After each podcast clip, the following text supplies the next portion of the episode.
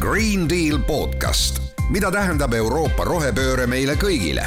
saade valmib koostöös Euroopa raadiote võrgustikuga Euronet pluss, mõista Euroopat paremini.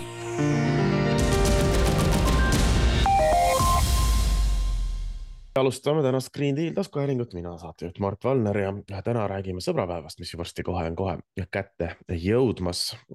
mida sõbrapäevad kinkida, et olla natukene keskkonnasõbralik, missugused ökoloogilised ja keskkonna tagajärjed on sellel, kui väga palju lilli kinkida ja, ja miks ka võib-olla ei tasu igasugust muud roosat räni äh, oma sõpradele või kallimatele anda.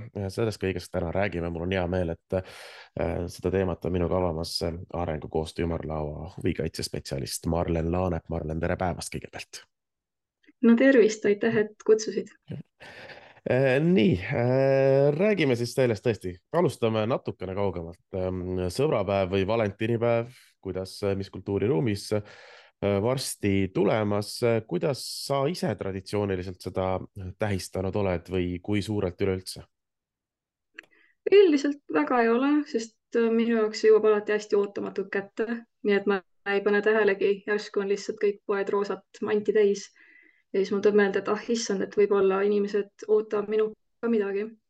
aga pigem ma siis jah, helistan sõpradele või siis me teeme koos midagi aga mingit sellist suurt äh, ostupinget ma küll ei tunne mm. -hmm. kas see on pigem sõbrapäev või valentinipäev, sest et noh, ütleme sihuke amerikaniseerunud kultuuriruumis äh, on see ikkagi Valentine's Day, eks ole, et noh, ikkagi noh, meie jaoks on see sõbrapäev, suures osas mujal maailmast on ta nii-öelda armastuse päev ikkagi.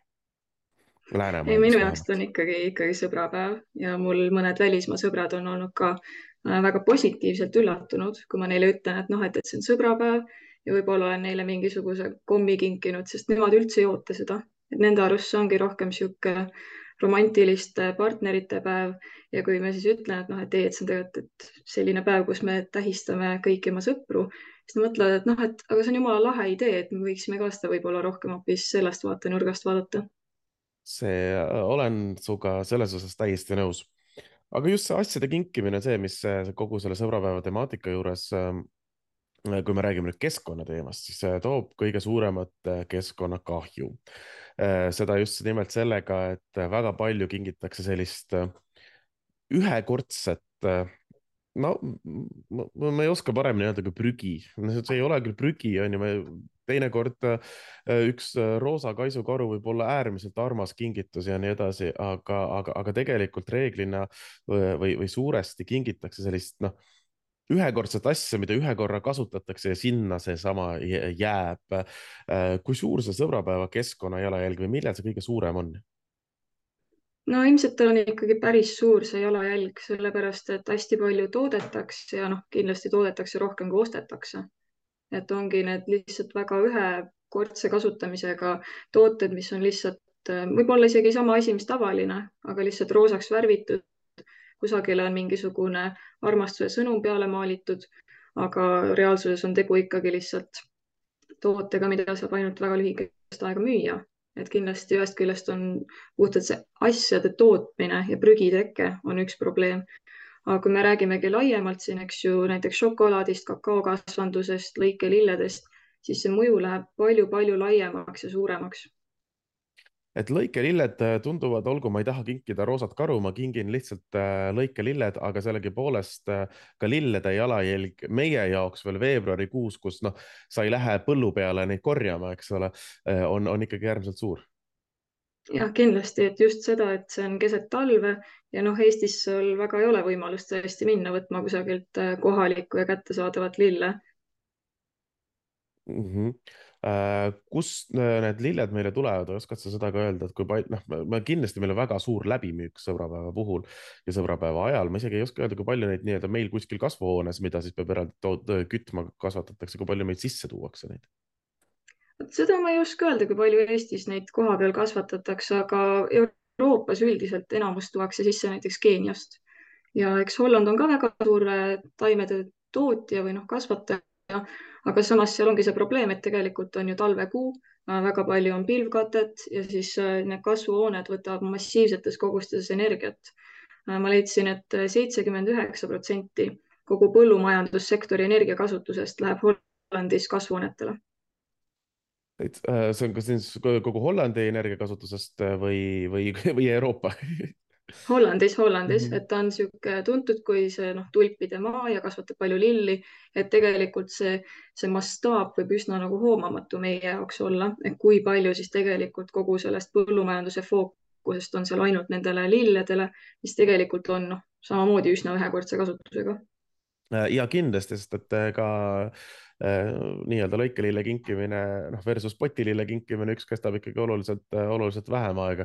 Äh, ma tean, mul on paar sõpra kinkinud ka sünnipäevadeks muude puhul niisuguse maitsetaime poti umbes, et noh, et näed, kestab kauem ja päriselt ka praktiline ja see on väga hea lahendus, ma, ma oleks väga nõus, et keegi toob mulle rõõmsa basiiliku või rosmariini ja noh, see lõhnab ka muidugi, eks ju, tuju heaks.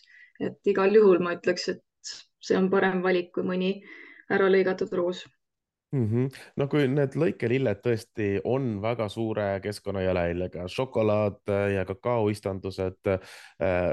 eks me oleme aastate jooksul sellest ka, ka rääkinud äh,, on omaette probleemsed, lisaks kõikvõimalikud palmiõlid, mis sinna sisse pannakse ja nii edasi.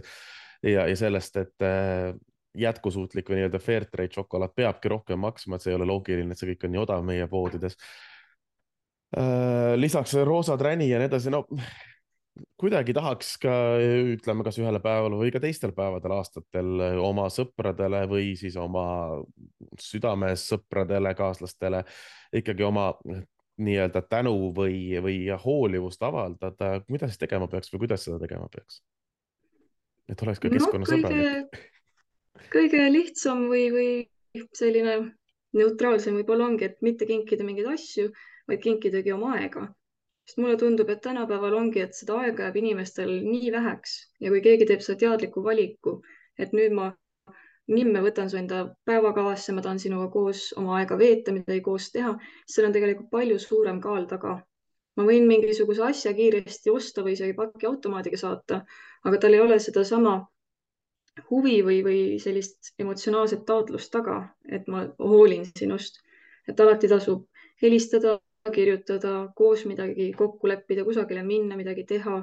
see on niisugune hästi lihtne lahendus, aga kui tahta midagi kindlasti ikkagi osta, et seda füüsilist jälge nii-öelda maha jätta, siis tasuks vaadata ja mõelda järele, et kas see asi, mida sa kingid, kas tal on pikem kasutusaeg, kas tal on funktsionaalsus ka väljaspool seda ühte päeva aastas ja no šokolaadiga ja samamoodi tegelikult ka lõikelilledega on olemas sertifikaadid, mis aitavad aru saada, et seal on ikkagi võetud seda keskkonnajalajälge tõsiselt ka ja proovitud seda võimalikult vähendada oh, oh šok. šokolaadi jalajäljest, šokolaadi sertifikaatidest, ma arvan, et paljud teavad, tõesti oskavadki kasvõi seda fair trade'i äh, või ecolabel'it sealt otsida.